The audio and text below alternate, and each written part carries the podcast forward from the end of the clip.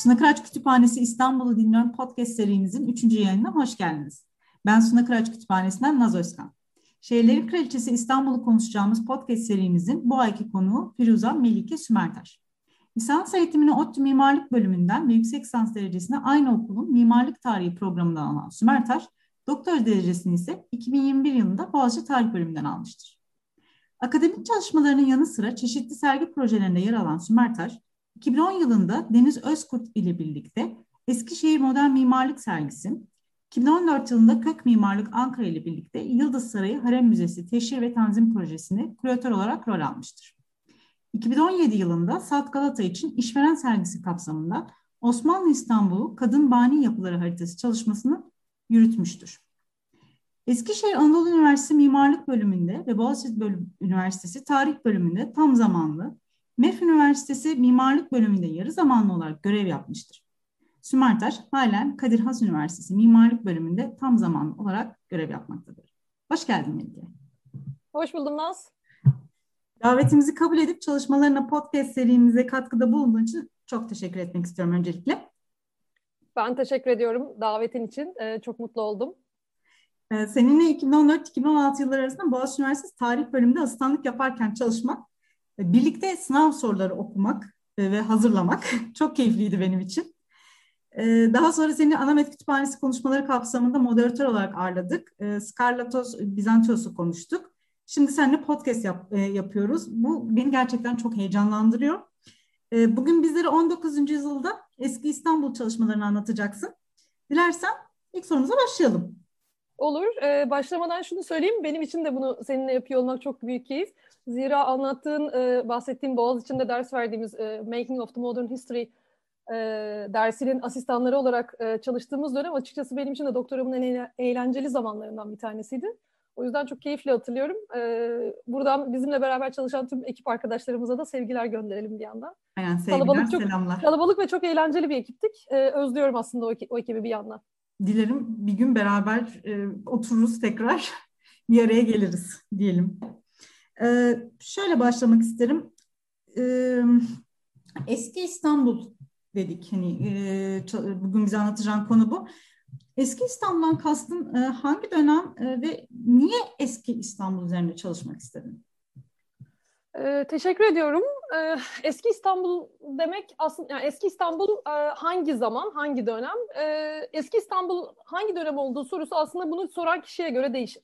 Yani bu eğer e, bu soruyu soran mesela benim apartmandaki komşumsam 1960'larda yaşadığı lise yılları olabilir mesela ya da e, ne bileyim hani e, benim babama sorsanız ilk gençlik yıllarında üniversitede işte ya da lise eğitiminde e, Bursa'dan kaçarak geldiği e, ve eğlenceli akşamlar geçirdiği İstanbul zamanları olabilir.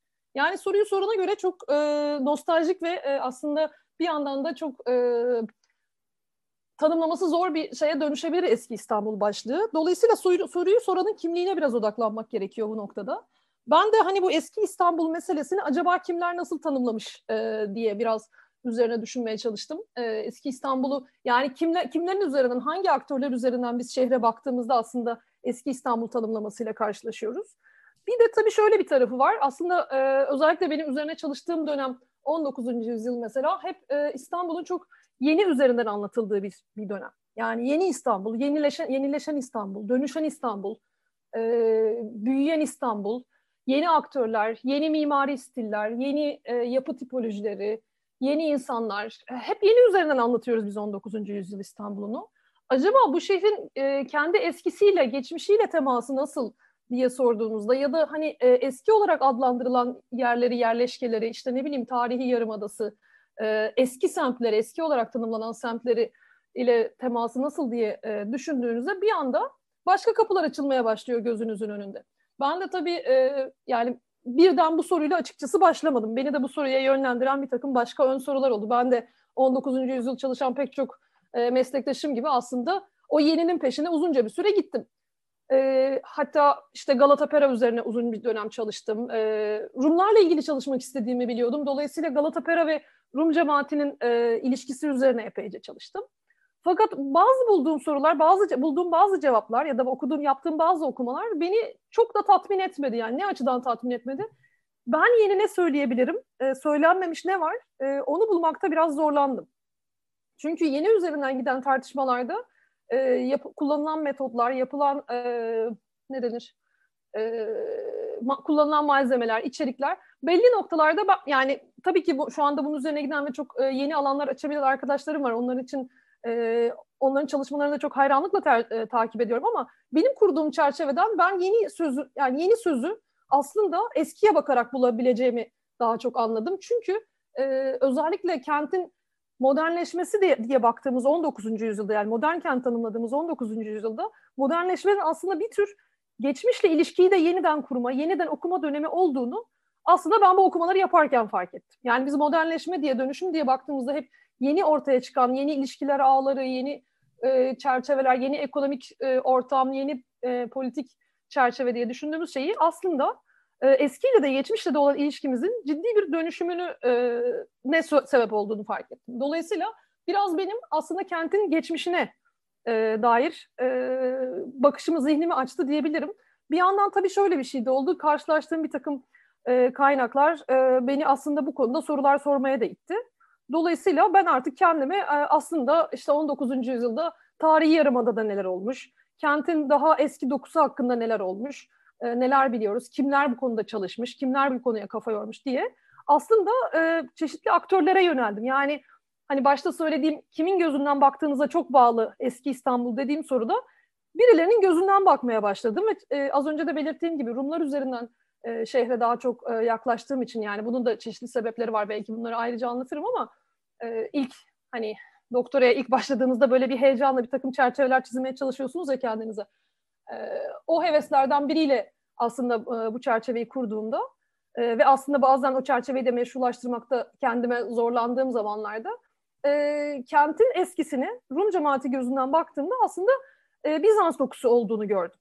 Yani onların gözünden, onların yazdığı şekliyle e, kentin Bizans e, katmanı aslında eski İstanbul tanımlarının aslında vardığı nokta haline geliyor. Bilmiyorum soruna uzun bir cevap verdim ama hani net anlatabildim mi bilmiyorum. Gayet güzeldi. E, ya şunu sormak istiyorum dedin ya hani Bizans'la hani ilgilenmeye başlıyorlar. Kimdir bu ilgilenenler? Yani şöyle söyleyeyim. E, herhalde herhangi bir insanlar değil bunlar. Tabii ki belli bir eğitim hani kültür seviyesi belli bir e, aşamalara gelmiş hani insanlar ve aslında ki burada amaç ne? Çünkü 19. yüzyılda biz Bizans'ın e, geri dönüşünü çok farklı aslında yorumluyoruz bir de bir taraftan. Şöyle Nasıl? bir şey var. Ee, yani yine çok teşekkür ederim bu soru için. Çünkü dediğin gibi yani birilerinden birilerinin gözünden bakarak tanımlamamız gerekiyorsak bu e, eski İstanbul'u yani kimin geçmişidir, kimin e, şehridir diye. Aslında e, o zaman ilgilendiğiniz aktörler çok belirleyici olmaya başlıyor. Ben aslında bu aktörlerle karşılaşmamı geri az önce bahsettiğim işte e, kentin yenisiyle uğraşırken biraz e, tanışmaya başladım. E, özellikle Galata Pera bölgesine odaklandığınız zaman e, tabii ki kentin e, dönüşümünde çok etkisi olan bir takım figürlerle karşılaşıyorsunuz. Mesela benim 19. yüzyıl için önemli, çok önemli olarak altını çizebileceğim, tabii ki bu alanda çalışan herkesin de tanıdık olduğu mesela Yorgo Zarifi gibi bir insan. Yorgo Zarifi kimdir? 19. Ee, yüzyılda yaşamış e, Rum cemaatinin önde gelenlerinden. Aslında banker, e, tüccar ama hani sermayedar olduğu için de banker Sultan II. Abdülhamid'in danış, finansal danışmanlığını bile yapabilmiş. Ee, Osmanlı e, ortamının Osmanlı Devleti'nin e, en üst tabakalarına kadar aslında e, etkisini sürdürebilmiş bir insan. Uzunca bir süre ben Zarifi üzerine çalıştım ve Zarifi ile ilgili bulduğum en kritik şeylerden bir tanesi Helen Filoloji Derneği'ne yaptığı e, finansal yardımlardı. Helen Filoloji Derneği yani benim e, daha çok kullandığım adıyla Silogos e, böylelikle biraz görüş alanıma girmeye başladı. Yani o zamanlarda tabii daha Yunanca yeni yeni öğreniyorum falan biraz böyle gözümü korkutuyor tabii ciltler dolusu e, şey var, e, Silogos'un böyle dergileri var filan hani biraz haberdar oluyorum ve hiçbir zaman resmin bütününü kur, kuramıyorum filan. Çünkü çok ciddi bir şekilde bir dil e, meselesi var orada aşılması gereken. Onu aşmakta epeyce bir zamanımı aldı ama neyse ki sonunda varabildim o noktaya. Ama sonuçta e, Silogos'ta tanışmaya başladım biraz Zarifi üzerinden. Zarifi e, özellikle Zarifi'yi e, yani sadece bankacılık değil ama bir patron, bir e, hayırsever olarak görmeye, tanımlamaya başladığınızda Yani kent üzerindeki etkinliğini sadece imparatorluk e, yönetimindeki finansal rolü değil de kentin neresinde hangi yapıyı sponsor etmiş, hangi kültür kurumunun arkasındaki insanmış, hangi e, etkinlikleri ön plana çıkarmış diye bakmaya başladığımızda e, en ön plana çıkan etkinliklerden bir tanesi haliyle Silogos oluyor. Silogos e, yani Helen Filoloji Derneği ve inanılmaz bir dernekten bahsediyoruz. E, 1861'den 1922'ye kadar e, neredeyse işte 61 yıl herhalde e, aralıksız faaliyetini sürdürebilmiş. İnanılmaz yayınlar yapmış. E, işte dergilerine bugün hala ulaşabiliyoruz. Arşivi maalesef kayıp. Arşivine erişemiyoruz ama ciddi bir birikimden bahsediyoruz. Dolayısıyla bir yandan e, Silogos'la aslında tanışır ve karşılaşır oldum ve onun yaptığı çalışmaları e, la karşılaşmaya başladım aslında. E, onu biraz anlamaya başladım. Yani özellikle kendi adıma ilk büyük keşfim Silogos'un bir edebiyat cemiyeti olmasına rağmen her yazarın üzerine çalışmış her kişinin biraz böyle e, ya aslında bunların biraz da arkeoloji çalışmaları var deyip e, biraz böyle bir parantez içinde verdikleri e, arkeoloji çalışmaları yani özellikle kent arkeolojisi üzerine çok fazla çalışmalar oluyor Silogos'un. Dolayısıyla biraz buna e, kulak kabartmaya, buradan nasıl bir malzeme çıkıyor diye bak, bakıp e, Silogos'un sayfalarını çevirmeye başladığımda gördüğüm gördüğüm şeyler beni oldukça heyecanlandırdı. Şeyi hiç unutmuyorum mesela e, bir yıl araştırma için Amerika'daydım ben. E, Princeton Kütüphanesi'nde Silogos'un ciltlerinden, dergilerinden bir tanesine bakarken tesadüfen e, tezde de bugün kullandığım bir kara surları haritasıyla karşılaştım ve haritayı açıp hani böyle bir haritayı daha önce hiç görmemiş olmak, bu haritanın ne kadar kapsamlı olması, işte yapıldığı tarihin aslında benim için çok e, etkileyici bir zaman olması vesaire böyle çok şaşırdığımı hatırlıyorum. Yani burada burada bir hikaye var diye düşündüğümü hatırlıyorum. Bir kanalıyla böyle bir e, gelişim oldu benim için yani şeyi düşününce, e, aktörleri düşününce. Başka bir taraftan e, ismini almadan geçemeyeceğim. Çok sevgili hocam Vangelis Kevriotis'le e, beraber yaptığımız e, tutorial derslerde konuştuğumuz bir takım e, aktörler ve isimler vardı. Skarlatos Bizantios bunlardan bir tanesiydi. Keza bunu e, Ahmet Hoca ile de çok e, üzerine konuşmuştuk. O da böyle ya böyle çok önemli, önemli bir çalışması olduğundan ve aslında hani Skarlatos'un e, üç ciltlik meşhur İstanbul kitabının aslında İstanbul için bulunmaz bir kaynak olduğundan vesaireden çok uzun konuştuğumuzu hatırlıyorum. Ama benim kafamda böyle hepsi farklı farklı köşelerde duran e, işte Silogos var, Skarlatos var, işte başka bir şeyler var gibi böyle bir takım aktörler ve bunların üzerinden İstanbul'a çeşitli çeşitli bakma biçimleri var. Yani hepsinin bir İstanbul'u var aslında yani. Silogos'un çalıştığı bir İstanbul var, Skarlatos'un çalıştığı başka bir İstanbul var. Arada ortaya çıkan başka başka isimler var. Ve bu isimlerin aslında başka türlü İstanbulları var.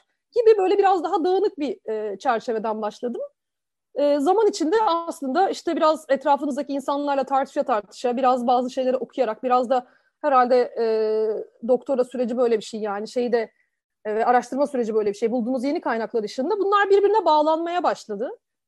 E, ve en son vardığım böyle bir daha e, aslında bir e, entelektüeller. Yani bu insanlar tabii ki e, başta da so sen şey diye sordun ya kim bunlar diye. Bunlar hiçbiri tabii ki sıradan insanlar değil. Hepsi çok iyi eğitimler almış. E, bürokrasinin çok önemli noktalarında yer bulmuş. E, mümkünse ciddi e, arkalarında finansal e, sponsor desteği bulunan entelektüeller ve bu konuda araştırma yapma lüksüne sahip insanlar. Çünkü hani e, araştırma her zaman olduğu gibi belli bir e, finansal arka plan gerektiriyor her zaman, fonlama gerektiriyor. Dolayısıyla ve tabii ki bu şehirle ilgili çok ciddi hayalleri ve planları olan insanlar. E, böyle yani bu biraz parça parça aslında hepsinin İstanbul'a dair ne söylediğini, ne yapmaya çalıştığını anlamaya çalışarak başladım. Bir yandan da şöyle bir e, şeyle karşılaştım. Aslında burada da gene e, herhalde şeyi söylemekte fayda var diye düşünüyorum. Yani insanın parçası olduğu çevrede nitelikli sorular duyması e, kendi çalışmasını da çok zenginleştiren bir şey. Hiç unutmuyorum e, sevgili Seçil'in bana tezimi ona biraz anlatmaya çalıştığında özellikle bu Zarife ile ilgili çalışmaları anlatmaya çalıştığında peki neden Rumlar diye sorduğunda neden? o soruyu o, o sorunun cevabını ona çok da meşrulaştıramadığımı hatırlıyorum Naz. Çünkü e, şehir öyle bir şey ki hele İstanbul öyle bir şehir ki hiçbir katmanını birbirinden ayıramıyorsun aslında. Yani şehre işte, bağlı. Bir şekilde bağlı.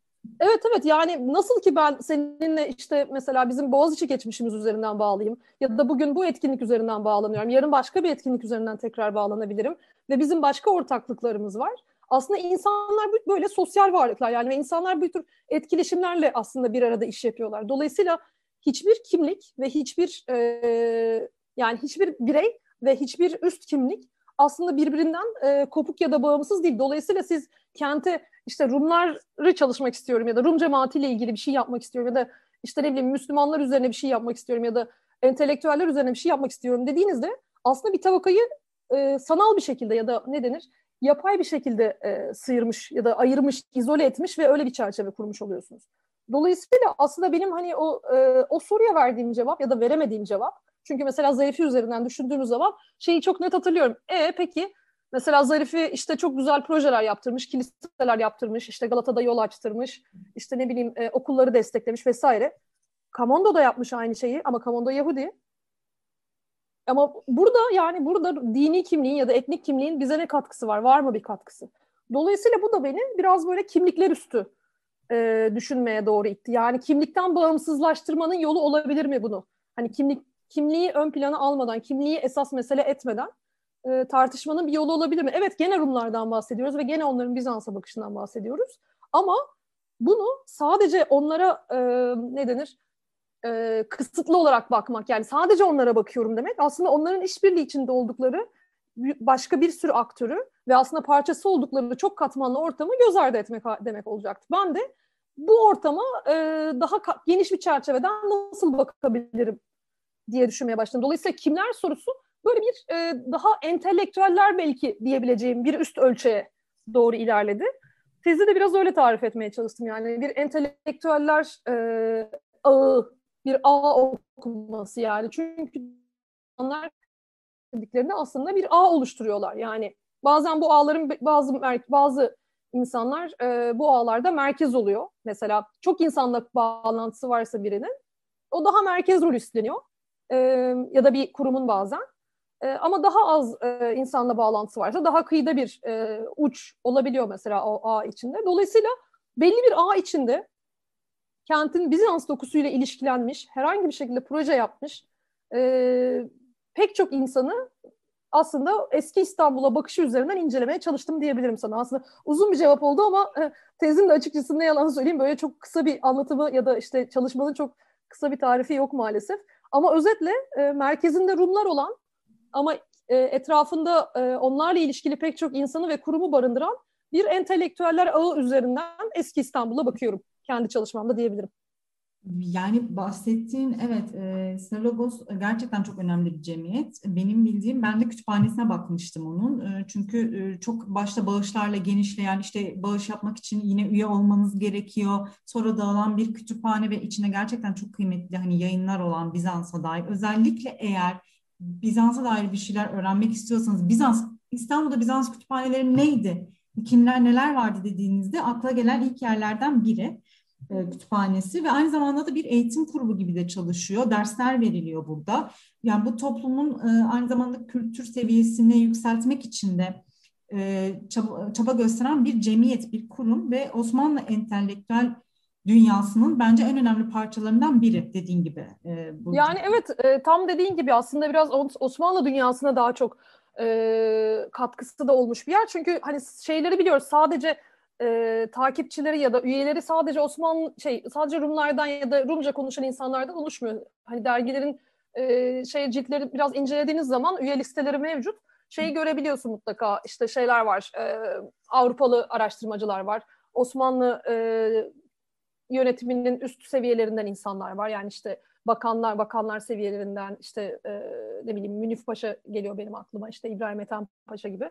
Dolayısıyla hani ciddi üst seviyelerden e, üyeleri var. Ama e, bir yandan da gerçekten halka eğitmek yani daha eğitimi genele yaymak gibi de bir amacı var. Yani biraz böyle Silagos üzerine çalışmış her kişi biraz onu e, kendi içinde bir eğitim bakanlığı gibi aslında e, tanımlar. E, de, senin de bahsettiğin özellikle kütüphanesi bu açıdan çok önemli bir yer. Ben de biraz tezde buna yoğunlaşmaya çalıştım. Yani kütüphane ne açıdan önemli bizim? Bir, senin bahsettiğin şey e, konusunda çok önemli. E, koleksiyon meselesi çok önemli. Yani kitapları e, barındırdığı e, koleksiyon yani çünkü hem bağışlarla hem de aslında e, özellikle bu pardon özellikle bu sponsor bağışlarıyla ciddi e, finansal de, aldığı bütün finansal desteği yeni kitap alımlarına harcıyorlar. Çok büyük bir kütüphane ortaya çıkıyor. E, bir yandan da e, tabii ki mesela yurt dışında yapılan yayınlarla kendi yayınlarını değiş tokuş yaptıkları için e, Avrupa ve Amerika'dan e, yayın takibini yapıyorlar. Aslında bugün ciddi bir bir e, kütüphaneden bekleyeceğimiz pek çok e, davranışı Silogos Kütüphanesi'nde buluyoruz. Üyelik sistemi var, işte okuma salonu var, e, kütüphane etkinlikleri var. E, bir de aslında şey açısından ben Anamet'le çok bağlaştırıyorum onu. E, ist- o da İstiklal'de olduğu için Silogos e, bugün yeri boş duruyor şeyde e, Topçular e, Sokak'ta. Otopark olarak duruyor yeri binası yıkıldığı için. Ama mesela Beyoğlu'nun kalbinde olması da biraz böyle İstanbul'da eğer olayların merkezi Beyoğlu'ysa Silogos'ta aslında olayların merkezindeki kütüphane olarak bir yandan da yine Anamet'le bu, bu açıdan da çok benzeşti, ba, e, bağdaştırıyorum. Mekansal olarak da pek çok insanın mer, e, olması yani insanlara gelmek, e, karşılaşmak, e, beraber etkinlik yapmak, senin de bahsettiğin bu konuşmalarda yer almak, o konuşmaları dinlemek ya da o konuşmaları vermek ve biliyorsun ki hani o konuşmaların çıkışında mutlaka işte insanlar ya da o konuşmalar sırasında paylaşılan tartışmalar yani bilgi alışverişine dair her türlü ortamı sağlayan fiziksel bir mekandan bahsediyoruz biz e, Silogos Kütüphanesi'yle. E, dolayısıyla işte hani e, İstanbul için ya da İstanbullu e, entelektüeller için aslında önemli de bir merkez oluşturuyor ve şeyi biliyoruz yani o merkezde aslında pek çok insanın e, hem konuşmalar yani bugün bizim İstanbul'un eski İstanbul çalışmalarına dair bildiğimiz pek çok insanın o merkezde konuşma verdiğini, Silogos'la bir şekilde ister üye olsun ister sadece hani ziyaretçi olsun bir şekilde temasa geçtiğini biliyoruz aslında. Dolayısıyla aslında e, önemli merkezlerden bir tanesi. Benim de tezde incelediğim en hani bu bahsettiğim ağın odak noktalarından bir tanesi Silogos. Evet ben de gerçekten çok hani bakmıştım zamanında. Çok ilgimi çekmişti. Özellikle şu e, kara surları arkeolojik haritası mükemmel bir çalışma bence. E, gerçekten hani hem Osmanlı döneminin yavaş yavaş böyle arkeolojiyle, müzecilikle ilgili çalışmaya başladığı bir dönemde gerçekten böyle bir proje yapmak e, çok başarılı hani e, çok hakikaten önemli bir adım diye düşünüyorum. E, buradan yani e, katılıyorum hani e, aslında projenin biraz daha şeyini arka planını bilince projenin şeyi de biraz artıyor. Yani şimdi elimizdeki çizim aslında böyle bakınca hani daha önce daha erken zamanlarda İstanbul'un çok daha kapsamlı haritaları çizilmiş durumda. Hani çok büyük bir şeymiş gibi e, çok büyük bir ürünmüş gibi görünmeyebilir ama arkasındaki niyetleri ve arkasındaki e, ekip çalışmasını ve süreci biraz e, Silogos kaynaklarından tarayınca aslında ortaya çıkan şey şu e, bir kez e, belgelemesi e, ortaya koymak ve aslında bir İstanbul haritası hazırlamak üzere çıkıyorlar ama maalesef finansal koşullar sadece Karasurları haritasına izin veriyor. Karasurları haritasının arkasında e, benim de bugün özellikle bahsetmek istediğim bir diğer karakter olan e, Alexander Paspartis yer alıyor. Aslında Karasurları projesi Paspartis'in projesi. Yani nasıl Paspartis'in projesi diyorum. E, biraz Paspartis kimdir ondan bahsedeyim. E, Paspartis aslında e, Sakız adasından adasında doğmuş. E, önce yani Sakız e, isyanlarından sonra annesi tarafından Malta'ya kaçırılmış. Oradan e, misyonerlerce Amerika'ya götürülmüş. Orada eğitim almış, gelmiş İstanbul'da işte matematik öğretmenliği yapmış. E, ama bununla mutlu olmamış. Avrupa'ya, İtalya'ya tıp okumaya gitmiş. Dönmüş gelmiş İstanbul'da doktor olmuş e, bir araştırmacı. E, uzun süre Balıklı Hastanesi'nde çalıştığını biliyoruz. Bir, sene, bir süre Balıklı Rum'un e, Rum Hastanesi'nin müdürlüğünü yaptığını biliyoruz. Ve Balıklı Rum Hastanesi biliyorsunuz hemen şeyin e, Karasurlarının biraz ötesinde e, şeyde e, e, Zeytinburnu e, taraflarında. Dolayısıyla hani e, surun hemen ötesinde uzunca bir süre vakit geçirdiği için de olabilir. Biraz hani tıpla uğraşmanın, doktor olmanın verdiği bilimle kurduğu ilişki nedeniyle de olabilir biraz Avrupa'da e, eğitim almış olmanın ve dönem Avrupa'sının Fransa'nın özellikle şehircilikle ilgili, kentle ilgili önemli tartışmaların merkezi olduğunu düşünürsek tam da 19. yüzyıl ortalarında e, özellikle ilk yarısı ve ortalarına doğru buradan aldığı ilhamlı olabilir. E, şehirle ilgili çalışmalar yaptığını biliyoruz Pas Partisi'nin. En ilk ilk çalışması aslında hastane kayıtlarından yapıyor. Hastane kayıtlarından bir hastalıklar ve hastalar üzerinden e, onların meslekle ve kent mekanı ile ilişkisini analiz ettiği bir kitap yazıyor. Yani bugün Türkçesi de var bu kitabın. Balıklı Rum Hastanesi kayıtlarına göre İstanbul'un Ortodoks esnafı kitabın adı. Ama bence kitap esnafları anlatmak anlatmak kadar aslında ciddi bir şehir anlatısı. Yani İstanbul o dönemde hangi mesleklerle ve hangi şeylerle e, hani hangi meslekler var? Kentin hangi mekanlarında yer alıyor ve kent mekanına dair, kent mekanının iyiliği, kötülüğüne dair biz hangi bilgileri alıyoruz gibi şeyleri Paspartis'ten okuyoruz. Burada devreye girmek isterim. Ee, senin bir makaleni okudum ee, tabii ki yayından önce. Yani şöyle bir ta, e, anlat şöyle anlatıyor Paspatis. E, ben size işte e, yabancı seyyahlar gibi işte Latif iklimi, sakinleri, o Boğaziçi'nin güzelliklerini, İstanbul'un Bizans harabelerini, işte muhteşem camileri, sarayları anlatmayacağım. Ben size şehrin karanlık yüzünü anlatacağım. Ve bunu da bir hastane kaydından yola çıkması, yani şehrin arka sokaklarını anlatması, e, bize şehrin gerçek yüzüyle yüzleştirmesi, gerçekleriyle çok e, hakikaten önemli bir kaynak olduğunu düşünüyorum. Birincil kaynak açısı olması açısından o dönemde hani yazılmış. E, bunu da ben e, burada hani söylemek istedim. E, evet evet çok önemli bir nokta bence bu şeyi ben de çok önemsiyorum o açıkçası Pas Partisi'nin o sözünü. Çünkü çok hani tarih tarihsel malzemeyle uğraşırken aslında şeye çok denk gelmiyoruz. Yani e, yazarın niyetini bu kadar net açık ettiği hani bu tür itirafnamelere çok e, denk gelmiyoruz. Bu bence önemli bir şey çünkü bize şeyi de söylüyor yani şehre nasıl baktığını söylüyor.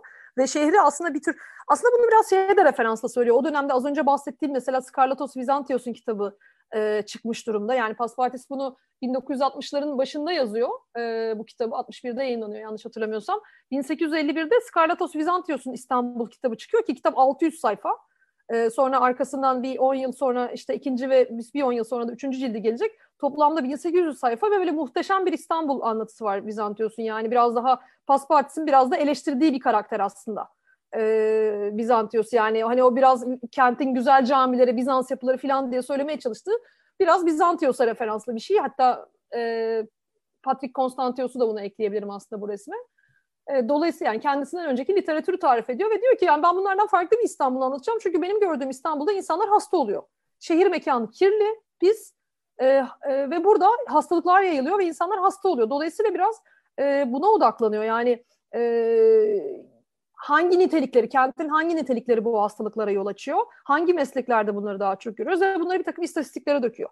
Fakat sanıyorum hani bir süre sonra e, bu çalışma e, bu çalışmayı hastanede müdürken yapıyor. Hastaneden ayrıldıktan sonra sanıyorum e, tam da biraz Bizantios'u eleştirdiği şekliyle kendisini daha çok e, kentin Bizans dokusu üzerine çalışırken buluyoruz. Özellikle e, hastane yakınlarındaki kara surlarından başlayan ve Silogos'un da toplantılarında böyle yer yer e, sunduğunu bildiğimiz, anlattığını bildiğimiz bir kara surları araştırması yürütüyor ama bu şöyle bir araştırma. Yine kendi yazdıklarından biliyoruz. Bayağı surların üstünde gezinip, içinde mağaralarına girmeye çalışıp, işte e, dehlizlerinde yürüdüğü, böyle karanlık e, dehlizlerden e, nasıl geçtiğini anlattığı filan. Bir tür bence e, arkeolojik araştırma yürütüyor aslında Paspartis. Yani o açıdan bana çok e, heyecan verici gelen karakterlerden bir tanesi. Dolayısıyla Paspartis'in bu araştırması biraz da Silogos'u az önce konuştuğumuz Karasurları e, ne denir e, haritasını ve o projeyi başlatmaya itiyor. Çünkü hani Paspartis aslında şey çerçevesini kuruyor yani bizim burayı eğer bu kentle bir ilişkimiz varsa ve bu e, bizim için bu Bizans dokusuysa bu dokuyu kaybediyoruz. Yani şehir değişiyor, dönüşüyor e, ve bizim bununla ilgili bir şeyler yapmamız lazım. Yani bununla ilgili e, ve şey eleştirisinde de bulunuyor. Bence çok önemli eleştirilerden yine bir tanesi. Dışarıdan gelenler bunu yapamaz diyor. Mesela seyyahları beğenmiyor kendi çapında. Yani uzaktan geleni e, kabul etmiyor. Çünkü biraz şeye inanıyor galiba e, bilimsel çalışmanın temeli yani yerinde inceleme. Evet evet yani şeye de inanmıyor. Yani öyle kaynaklardan okuduğumuz da yetmez diyor. Hani çünkü daha önce mesela kendisinden önce bunu yazan işte Patrick Constantios gibi Skarlatos Vizantios ki aslında Patrick de İstanbulludur. İstanbul'da e, yaşar ve yazar. İşte Skarlatos Vizantios'un da biz uzunca bir süre İstanbul'da yaşadığını ve araştırmasını yerinde yürüttüğünü biliyoruz ama e, sanırım Paspartis kendi metodunu onların ikinin üstünde tutuyor. Yani daha şey buluyor kendisini. Biraz doktor olmanın verdiği bence şeyle. Biraz doktor özgüveni olabilir gerçekten. Özgüveniyle. ben yerinde inceledim. Bizzat tedavisini, tedavi şeyi Yani o biraz böyle gerçekten hastaya do- birebir dokunmanın verdiği ve o oradaki hastalığı teşhis etmenin verdiği bir şey var ya, bir e, bilimsel yapı var ya orada e, hasta ile doktor arasında kurulan ilişkide şehirle bence gerçekten öyle bir ilişki kuruyor ve dokunuyor yani şehre dokunmaktan çekinmiyor. Baya malzeme toplayıp laboratuvara falan laboratuvar değil ama hani incelemeye göndermekten falan bahsediyor. Kara surlarında işte taş topladık işte şeye götürdük e, filan diyor. İşte ne bileyim girdik bunun içinden işte mumla bulduk yolumuzu işte ip sarkıttık filan anlatıyor. Dolayısıyla ve sürekli yanına da birilerini alıyor. Şeyi de biliyoruz yani o dönemde şehre gelen bir sürü insan da Yani işte e, aha gelmişken bir de Paspatis'le görüştüm diyen ben pek çok kaynak tespit ettim yani. yani muhtemelen e, bu tür araştırmaları şehirde yürüten insan olduğu için aslında e, herkesin de başvurduğu ya da işte ya beni bir şuraya götürsene bu konuda ne biliyorsun ne düşünüyorsun dediği bir kendi içinde aslında bir tür Silogos gibi bir başka merkezde Paspatis olmaya başladı.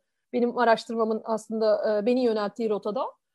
E, dolayısıyla Paspatis de benim, benim açımdan böyle bir e, şeye dönüştü. E, bir merkeze dönüştü. Silogos açısından da öyle olmuş belli ki hani bir dönüştürücü etkisi olmuş belli ki bu projeyi bayağı şey olarak söylüyorlar bu Kara Surları projesini. Yani işte Bypass Partis'in e, de öncülüğünde aslında biz böyle bir işe kalkıştık diye.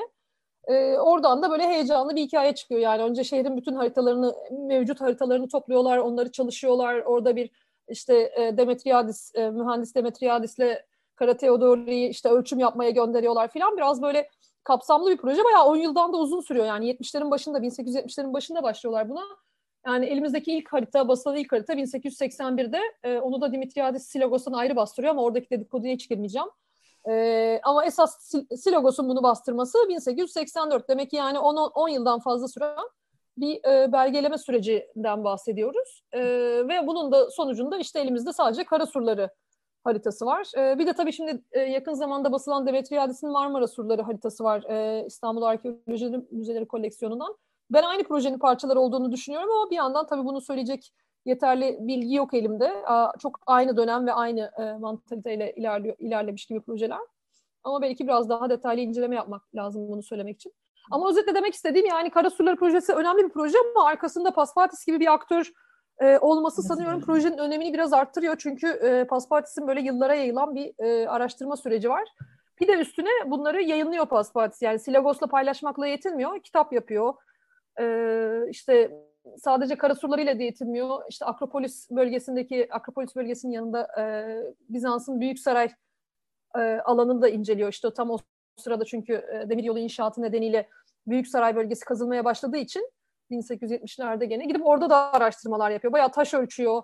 İşte cephe restitüsyonu çizdiriyor. Yani bu bilgilerin ne kadarı doğru ne kadarı yanlış onu biraz e, tespit etmek zor. E, yani ciddi ciddi yanlışlıklar olduğunu da biliyoruz Paspartis'in araştırmasında ama açıkçası beni daha çok heyecanlandıran kısmı birinin e, kent üzerinde bu tür araştırmaları e, yürütebiliyor, yürütmüş olması ve bunu bizim senin de az önce söylediğin gibi yani şeyden çok daha önce mesela bizim işte Osman Hamdi Bey ile başlattığımız ya da yoğunlaştırdığımız müze müze çalışmalarından e, ya da işte ne bileyim daha 20. yüzyılın başında tarihlendiği, tarihlendiği söylenen Bizans arkeolojisi çalışmalarından senelerce önce yani 1861 Silogos'un kuruluşu, 1870'ler Kara Surları projesi. Yani uzun epeyce uzun bir zaman önce aslında bu tür çalışmaların e, başladığını İstanbul'da e, görüyoruz. Bana onu gösteriyor açıkçası. Şu an eğer yanımızda Paspatis olsaydı ben kendisine sorardım. Eski İstanbul üzerine çalışmak e, niye bu kadar önemli? Neden gerekli? Neden bunu yaptınız diye. E, aynı şeyi de sana soracağım. Yani e, dediğin gibi şehir değişiyor, dönüşüm halinde. E, biraz önce bahsettiğim tren yolu yapılıyor. Tren yolu yapılırken bazı değişiklikler oluyor. Şehrin kimliğinde, yapısında.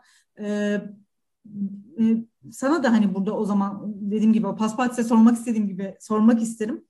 Neden hani eski İstanbul üzerine çalışmak gerekiyor? Biz e, bu dönemde anladığım kadarıyla bahsettiğin gibi hani Paspatis'in de bir amacı var. E, sen ne düşünürsün bu konuda? Eski İstanbul üzerine neden çalışmak gerekiyor? Ya da gerek, gerekiyor mu bilmiyorum. Aslında İstanbul'la ilişkilenme biçiminizle ilgili bence bu. Yani e, dediğim gibi ben hani başta böyle kendim e, yeni İstanbul'la uğraşırken e, bazı sorularıma, kendi sorularıma cevap veremediğim için e, kendimi e, eski İstanbul'la uğraşırken buldum. Ama e, yeni İstanbul'la da ilgili yeni sorular e, açıp çok güzel çalışmalar yapan arkadaşlarıma da e, biliyorum. Ben de aslında onların çalışmalarından da faydalanıyorum. Dolayısıyla aslında İstanbul'u bilmiyorum belki de yeni İstanbul, eski İstanbul ayrımı şu anda belki e, bir başka kategori mi yaratıyoruz yani hani az önce bahsettiğim izolasyonlar vesaire açısından.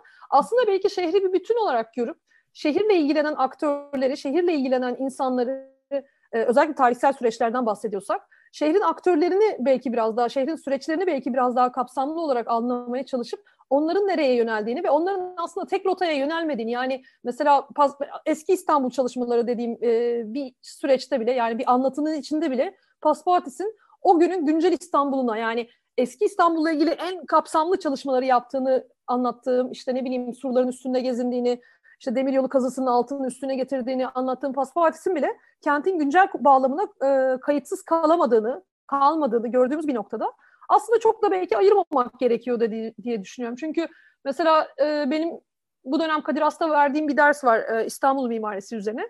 E, dersin şu ana kadarki kısmını ağırlıklı olarak Bizans dokusu üzerinden tartıştık ama bugün Bizans mirasını o gün Paspartis nasıl demir yolu kazısıyla beraber tartışmak zorundaysa bugün Bizans mimarisini de mesela Marmaray kazısından bağımsız konuşamıyorsunuz. Ve Marmaray çok bugüne ait bir şey.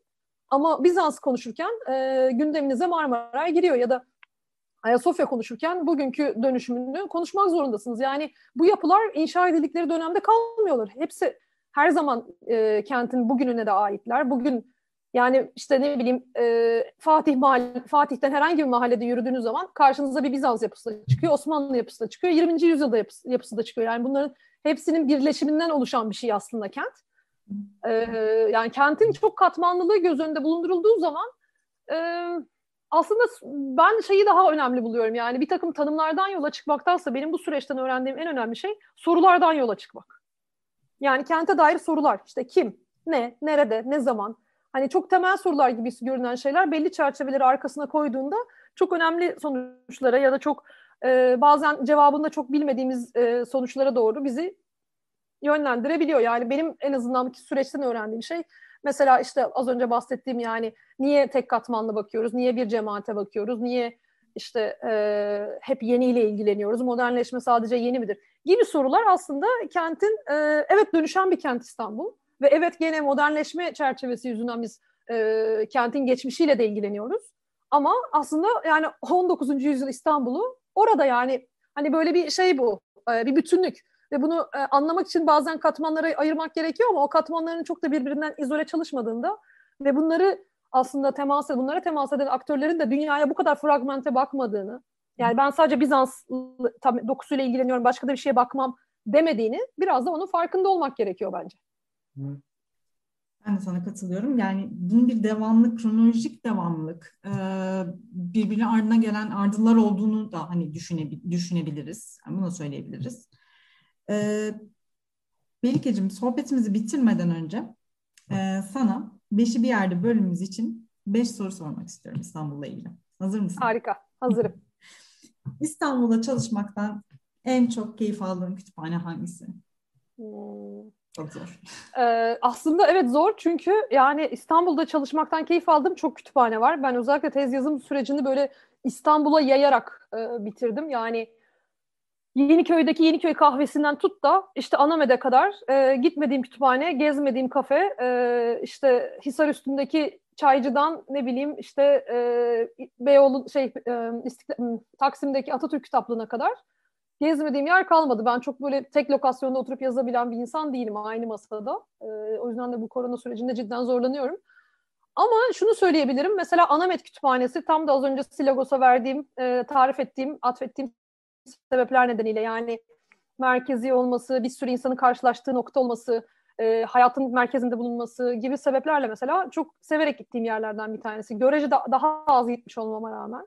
Ben sıklıkla yani en çok Boğaziçi Abdullah Kur'an Kütüphanesi'ni kullandım ki onun da binasını çok severim. E, zamanında beraber e, stüdyo dersi verme şansı bulduğum Sevinç Hadi Hoca'nın e, ve eşi Şandur Hadi Hoca'nın projesidir, mimari projesidir. Binasını da çok severim. E, mekanını da çok severim. E, Boğaziçi Üniversitesi kitaplığını çok kullandım. Salt'ın binasını çok seviyorum ve e, kitaplarını kullanırım. Yani koleksiyon açısından hepsinden zaten faydalanmaya çalışıyorum. Senden de bu süreçte çok yardım istedim biliyorsun. E, o yüzden sana da çok teşekkür ederim. E, ama şey e, sanıyorum böyle daha şehrin içinde oldukları zaman Salt gibi, Anemet gibi, belki e, Beyoğlu e, Atatürk kitaplığı gibi benim için daha ca- cazip bir hale geliyorlar. Bir de bazen işte manzarası olursa filan daha eğlenceli olabiliyor. Tabii Boğaziçi Kütüphanesi'nin de bunların hiçbiri yok ama orası da tabii okulumuz olduğu için ayrı bir yeri var. Ee, Koleksiyon. Sanırım bunlar yani daha çok kullandıklarım galiba en çok kullandıklarım bunlar. En çok bir şekilde rutin olarak ziyaret ettiklerim. E, şu anda çalıştığım Kadir Has Üniversitesi'nin kütüphanesini, e, kütüphane ekibini çok e, takdirle ve saygıyla karşılıyorum. Yani onlar da bütün süreçte çok yardımcı oluyorlar. E, fiziksel olarak çok az kullanmış olmama rağmen. Böyle galiba bilmiyorum atladığım bir kütüphane kaldım ama çok. Tabii yani. bir tane değil. bu kadar hani akademik çalışma yapıp herhalde kütüphanelerden çıktığını çok düşünmüyordur insanlar diye düşünüyorum. Yani kütüphanelerde yaşıyor. Yani zaten genelde akademisyenler kütüphanede aslında demirbaş oluyorlar, sayıyorlar işte masa, dolap, e, akademisyen o şekilde gidiyor sayımlar yani. E, evet. İstanbul'u öğrendiğim kitap hangisi? Ha. Yani İstanbul'u bir kitaptan tabii öğrenmek mümkün değil. Böyle İstanbul'la ilgili akademik çalışma yapmaya başlıyorum deyince ilk e, edindiğim kaynaklardan bir tanesi o da Tarih Vakfı'nın İstanbul Ansiklopedisi. Bence e, İstanbul hakkında yapılmış en e, kapsamlı ve nitelikli yani sonuçta İstanbul üzerine çok nitelikli çalışma var. Ya bazıları çok e, odaklı, bazıları çok yüzeysel. Ama hani hem her konuyu kapsayıp hem de bu kadar derinlikli olabilen e, tanıdığım ya da okudu, okuduğum e, az çalışmadan bir tanesi. Zaten ansiklopedi olması hani onu gerektiriyor ve çok ciddi bir uzman kadronun eseri. Yanılmıyorsam master'ın böyle ilk dönemi falan olabilir yani. ilk ödevimde falan e, böyle bir şeyin varlığını fark edip satın almıştım.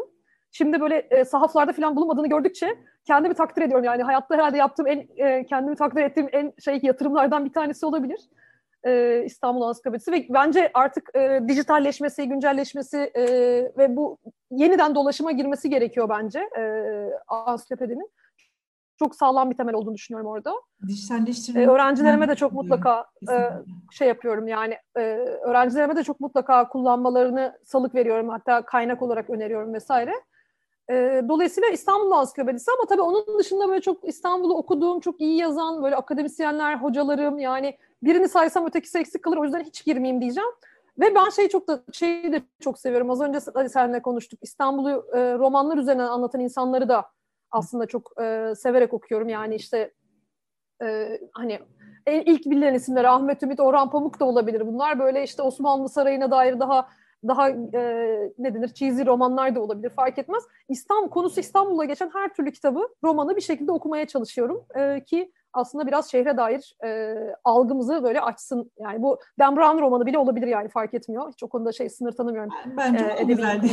o da keyifliydi. Evet yani şey önemli olan şehre şehre nasıl bakıyor, şehir hakkında bize ne söylüyor. E, romanları da çok ciddi, çok önemsiyorum. Çok açık e, ara şey olduğunu düşünüyorum yani gerekli olduklarını onların üzerine okumanın. İstanbul üzerine. Öyle yani o yüzden e, İstanbul Ansiklopedisi diyeyim ben. Öyle dursun. İstanbul'a dair e, mutlaka okunması gereken kitaplar hangileri? Sana geldi sordu bir tane böyle yeni yetme öğrencim. Dedi ki bana bir kitap önerin İstanbul'u okuyayım şöyle doya doya. Yani öyle bir kitaptan biraz ilham verici olmasını beklerim. Şimdi hani öyle bir şeyde belki e, öğrenciyi ansiklopediye yönlendirmek çok doğru olmayabilir. Hani biraz overwhelming şeye gelebilir, zorlayıcı gelebilir filan. İlham verici olmasını e, isteyebilirim. E, düşünüyorum. Roma, yani bu, bu sorunun cevabını çok düşünmemişim galiba. Roman, romanlar olabilir diye düşünüyorum. Mesela e, hakikaten yani Orhan Pamuk olabilir, Ahmet Ümit olabilir. Hani roman yazarları olabilir diye düşünüyorum bir taraftan mesela gene akademik olmasın dedim ama ben mesela şeyi dönüp dönüp okumayı çok seviyorum gerçekten. Yani e, Çiğdem Hoca'nın İstanbul e, İstanbul'un başkent sosyal mekanının dönüşümünü anlattığı e, kitaplarını yani böyle dönem dönem İstanbul'u inceleyen odaklı odaklı özellikle Osmanlı İstanbul'u inceleyen kitapları okumayı çok seviyorum. E, yani onlara herhalde yönlendirirdim diye düşünüyorum. Benim temel kaynaklarım çünkü çok referans aldığım ve çok e, okumaktan keyif aldığım ve her okuduğumda da yeni bir detayı, yeni bir şey keşfettiğim kitaplar bunlar. Bunlar olabilirdi. Tabii şeyi atlamayayım hani Zeynep Çelik'in 19. yüzyıl kitabını asla atlamayayım. Ee, düşünüyorum. Yani galiba ben böyle şeyi daha çok ter- tercih edebilirdim birine, genç birine önermek için. Biraz daha böyle e, makale ya da daha gazete yazısı ya da daha böyle e, konuşma gibi daha hafif e, içerikli olan e, yazıları belki ta, şey ta, e, tavsiye edebilirdim diye düşünüyorum ama açıkçası şu anda çok böyle biraz hani ilham verici olması gerekir ya hani ilham da böyle çok kişisel bir şey. Sizin aldığınız ilhamı herkes aynı şekilde almayabiliyor yani. Ben bir şeyden çok ilham al- alıyorum ama karşınızdaki insana aynı heyecanı vermiyorsa biraz sizin için de şey oluyor, hayal kırıklığı oluyor. Tüh anlamadı ya ya da benim gibi hissetmedi diye üzülüyorsunuz. O da biraz zor gibi geliyor bana. Ha şeyi önerebilirdim aslında bak bir de düşününce Reşat Ekrem Koçu'nun İstanbul Ansiklopedisini önerebilirdim. Sanırım düşününce, şimdi biraz daha düşününce aslında aklıma evet. geldi. Başlangıç olarak çok heyecan verici ve etkileyici olabilir. Çünkü e, Koç'u da biz şimdi Kadir Has'ta biliyorsun Koç'unun arşivi e, bizde yani üniversitenin e, sahip sahibi üniversite şu anda ve SALT'la ortak bir proje yürütüyoruz işte arşivin geri kalanı. Ansiklopedinin yazılmayan maddelerine dair de bir arşiv var ve onu dijitalleştiriyor SALT. Ee, yani bu süreçte biraz arşivle yani daha doğrusu ansiklopedinin kendisiyle biraz haşır neşir oldum. Ee, tam o aradığım daha hafif, daha aslında şehre dair biraz akademik ama biraz da e, mitik e, o şeyi ilgi çekici dozu bence Reşat Ekrem Koç'un İstanbul Ansiklopedisi'nde bulabilir insanlar ya da öğrenciler diye düşünüyorum. Yani tabii ki işte bir kaynak olarak kaynak olarak kullanırken tabii ki dikkat etmek gerekiyor. İşte bazı söylediği şeyleri iki üç kere e, kontrol etmek gerekiyor. Ama yani şeyler de böyle sen de mesela seyahatnameleri okuyorum dedin. Hani seyahatnameler de böyle. İşte ne bileyim Evliya Çelebi de böyle. Hani kaynağı yazıldığı dönemi bilgi çerçevelemesine falan dikkat ettiğiniz zaman aslında çok eğlenceli okumalar haline dönüşebiliyor. O yüzden herhalde daha güncel bir okuma için e, Koçu'yu önerdim. Kesinlikle ben de öyle. Bana şöyle soruyorlar. İşte tarih okuyorsun, sıkılmıyor musun falan. Yo, Reşat Ekrem Koç'u yok. okumaya baş yani Reşat Ekrem Koç'u okuduğum için ben tarihten sıkılmam. Çünkü hani ilk onunla başlamadım. Ben ilk John Freddy ile tarih okumaya başladım ama yani Reşat Ekrem Koç'u okuduktan sonra böyle sanki çok samimi bir arkadaşımla görüşmüşüm gibi. Çok güzel bir böyle muhabbet etmişim gibi. Karşılıklı böyle bir dedikodu yapmışız gibi bir haz geliyor. Gerçekten çok mutlu oluyorum. Ama gerçekten öyle yani hafif dedikodu okay. kıvamında anlattığı için bir sürü hikayede yani koçunun e, şeyi koçu ve yazarları da yani aslında. Bir de şeyi de biz şimdi bu proje sürecinde ansiklopedinin arkasındaki hikayeleri de işte aktörler, çeşitli aktörler, işte yazarlar, e, or, orada da bir gene şey hikayesi var. Koçunun bir e, ofisi var şeyde Cağaloğlu'nda ve orada insanlar geliyor gidiyor işte şey yapıyorlar e, ne denir e, toplaşıyorlar karşılaşıyorlar bazı yazarlar çünkü aslında çok koçu herkese bunu şey veriyor e, iş olarak veriyor sen şu maddeyi yaz sen bu maddeyi yaz diye böyle delege ediyor bir sürü insanlara ama mesela bazen o insanlar karşılaşıyorlar o şey mekanda, ne denir, ofis mekanında. O da bana böyle hani az önce konuştuğumuz bütün o silagos ve aslında o merkez düşüncesini bir araya getirince o da başka bir merkez canlandırıyor benim zihnimde. Yani o da 20. yüzyılın böyle erken 20. yüzyıl böyle işte 1920'ler 30'lar Türkiye'sinin bir böyle başka bir entelektüeller ağı, başka bir entelektüeller etkileşimi aslında Koçu'nun ansiklopedi etrafında kurduğu e, dünya. Yani aslında o ansiklopedinin nesnel olarak varlığı e, ve bir ürün olarak varlığı bizi böyle başka bir sosyal bütünlüğe doğru götürmüş oluyor bence. O da çok enteresan. Onu çözmek de yani ansiklopedinin kendisini okumak kadar arkasında bunu kim yazmış, niye böyle yazmış? İşte neden e, o ötekini yazarken orada başkasına bir, bir şey demiş. Çünkü oradan öyle aradan öyle cümleler de çıkıyor. E, filan o ilişkileri de çözmek e, bayağı şey çözer gibi. E, ne denir? Polisiye roman çözer gibi aslında şeyde Koçu'da bir açıdan. Çok bence güzel bir e, araştırma konusu olur. Çok güzel bir tez de olur. Hani yani, hakikaten Reşat Ekrem Evet evet yani şeyi aktörler diye buradan tez konusu arayan arkadaşlarımıza önerilir. Kesinlikle bu kesinlikle bunu öneriyorum. Çünkü şöyle bir şey var. E, bizim yani Salt'la hedeflediğimiz şey daha doğrusu bunu zaten hani e, Salt çok güzel bir şekilde yapıyor ve hani projenin vardığı noktada bir e, arşiv olarak arşiv açılacak yani dijital olarak erişime açılacak ve buradan bir e, database ortaya çıkacak. Yani çalışmak isteyen, koçu üzerine çalışmak isteyen insanların elinin altında e, koçunun bütün arşivinin malzemeleri, belgeleri dijitalleştirilmiş olarak belli keywordlerle taranabilir şekilde bulunacak. Ve dediğin gibi böyle bir çalışma yapmak isteyen biri için bir anda öyle bir zemin açılacak yani. E, ben kendim de açıkçası biraz merak edip tam da bu işte network meselesinden biraz da, e, deşmek istiyorum. Ama e, henüz fırsat olmadı buna. Bakalım e, belki işte genç arkadaşlar buna niyetlenirlerse beraber böyle yeni projelere kalkışırız. Neden olmasın? Güzel olur. Çok güzel olur gerçekten. Peki e, sana İstanbul'u hatırlatan yemek ya da içecek hangisi? Uzaklara gittiğinde.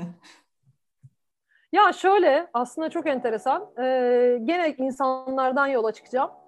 Ben İstanbul'u değilim. Balıkesirliyim, Susurlukluyum hatta. Ee, orada doğdum. Ya orada doğmadım, İzmir'de doğdum ama orada büyüdüm. Ee, ve böyle hani ne diyeyim, üniversitede de Ankara'da okudum. Neredeyse yani doktoranın ortasında İstanbul'a taşınana kadar İstanbul'da böyle atıyorum bir aydan uzun kalmışlığım, yaşamışlığım aslında yok. Ama bütün bu içimdeki İstanbul çalışma hevesi, İstanbul sevgisinin bir kaynağı var. O da babam. Babam benim tarih öğretmeniydi.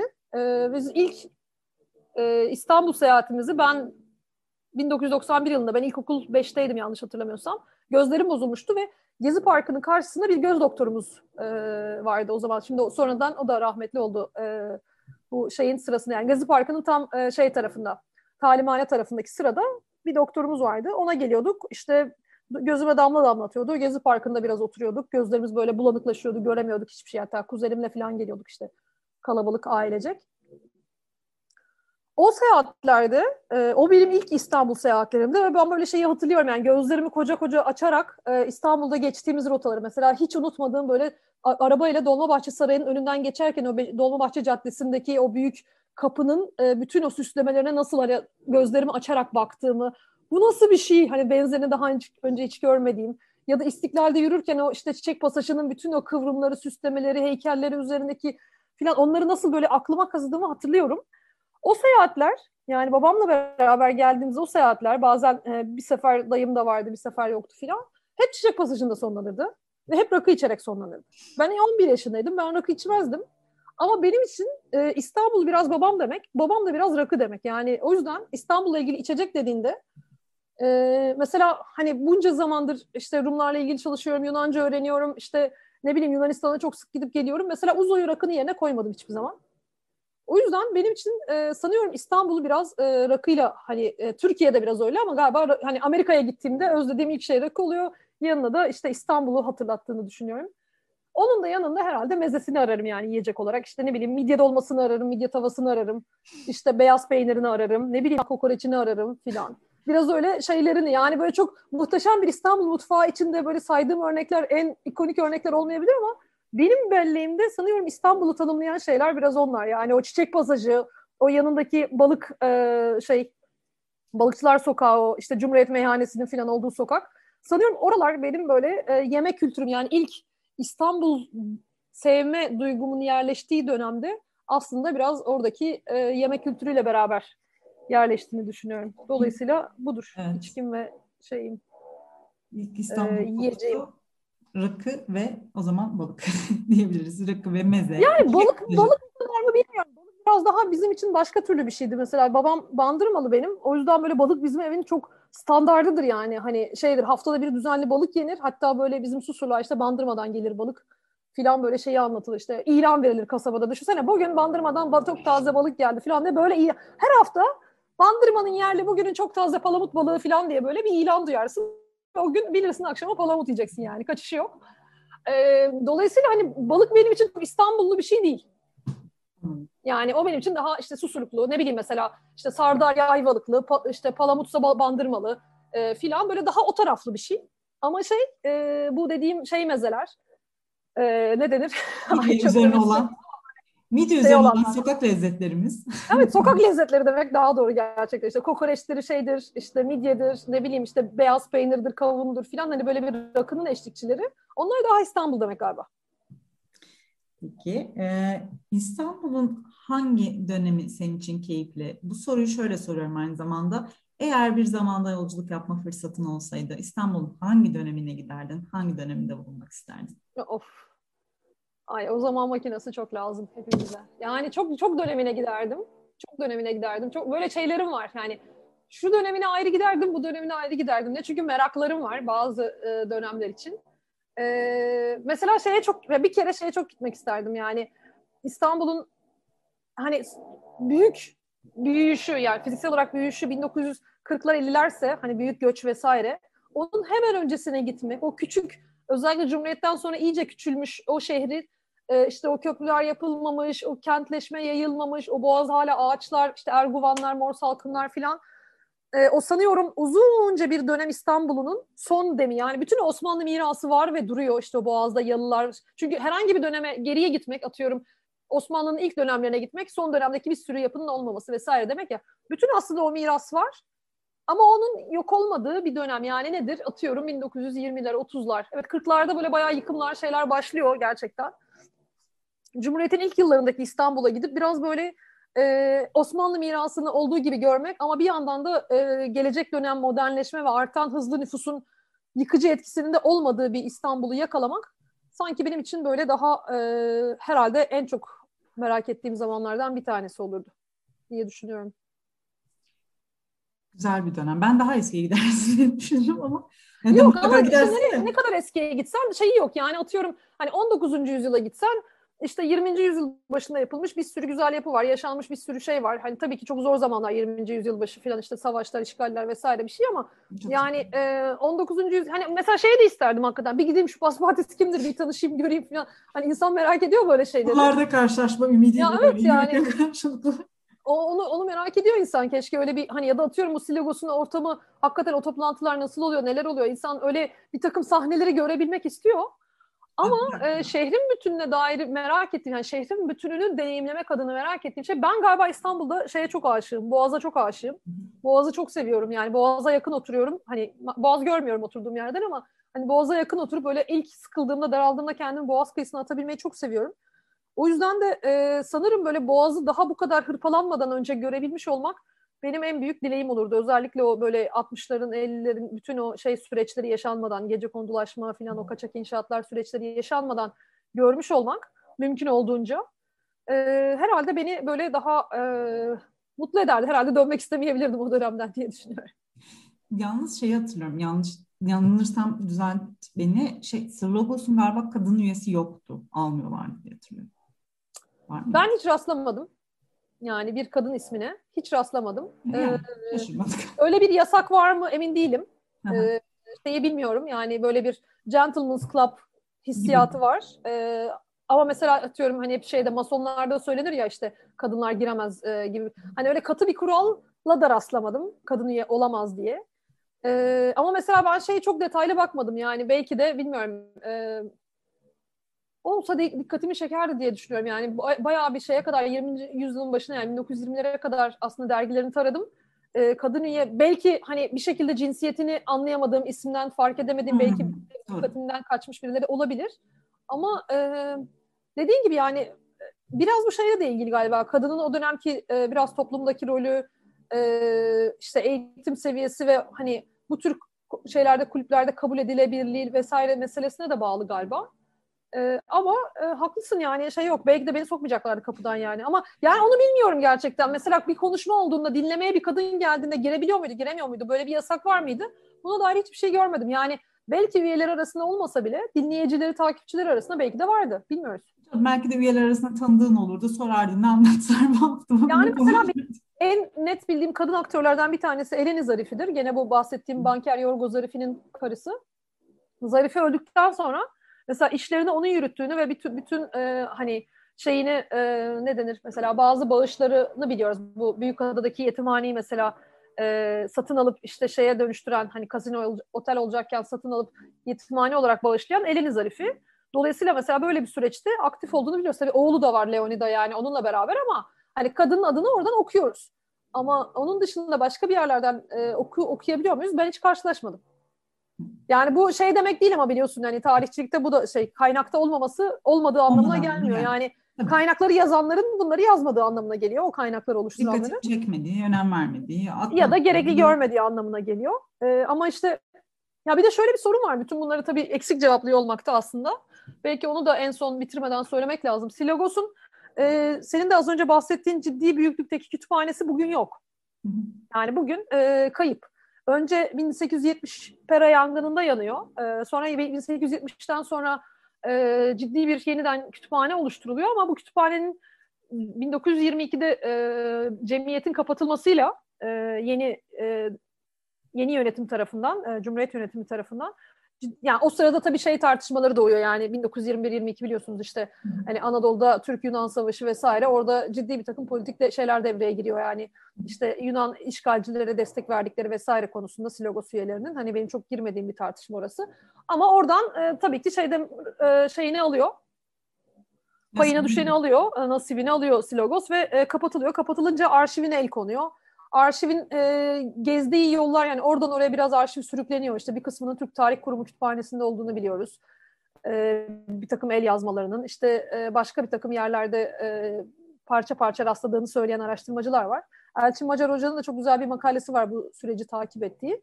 Ama sonunda bizim elimizde bir Silogos kütüphanesi ve muhtemelen bütün bu çalışmalara özellikle bu Kara Surları haritası ve diğer çalışmalara eşlik ettiğini tahmin ettiğimiz e, arşiv yani el yazmaları, çizimler, belgeler, faturalar, doküman hani bütün o bir arşiv oluşturabilecek her şey aslında yok. Yani biz bir kadın varlığı ya da herhangi başka birinin varlığını takip edebilecektiysek de o arşivden takip edecektik ama o yok. Yani bizim elimizde sadece bugün en temel malzeme olarak e, az önce bahsettiğim bir takım e, belli çalışmalara ilişkin el yazmaları ve işte e, şey e, Silogos'un kendi bastığı 34 ciltlik e, böyle 60 yıla yayılan dergileri.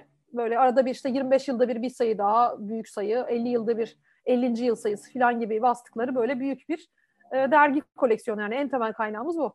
Orada da yani ben kadın adına rastlamadım ne yalan söyleyeyim. Ben de kaçırmış olabilirim. Bir rastlayan biri varsa haber etsin. Tabii. Buradan duyuralım. Evet. E, Melike, yayınımıza katıldığın için, eski çalışma arkadaşını yalnız bırakmadığın için sana çok teşekkür ediyorum. Dilerim başka projelerde, etkinliklerde bir araya geliriz. Seni dinlemek, senden öğrenmek beni çok mutlu ediyor.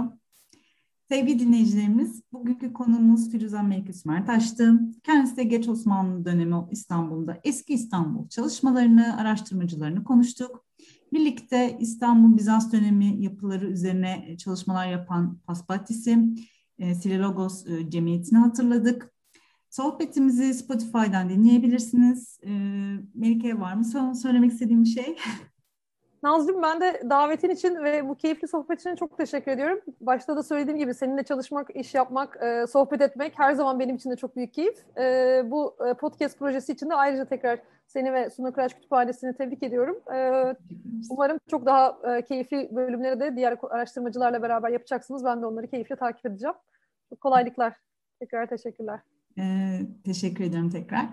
İstanbul'u dinlemeyi, İstanbul'a bakmayı, İstanbul'u okumayı unutmayın. Bir sonraki podcast'imize görüşmek dileğiyle.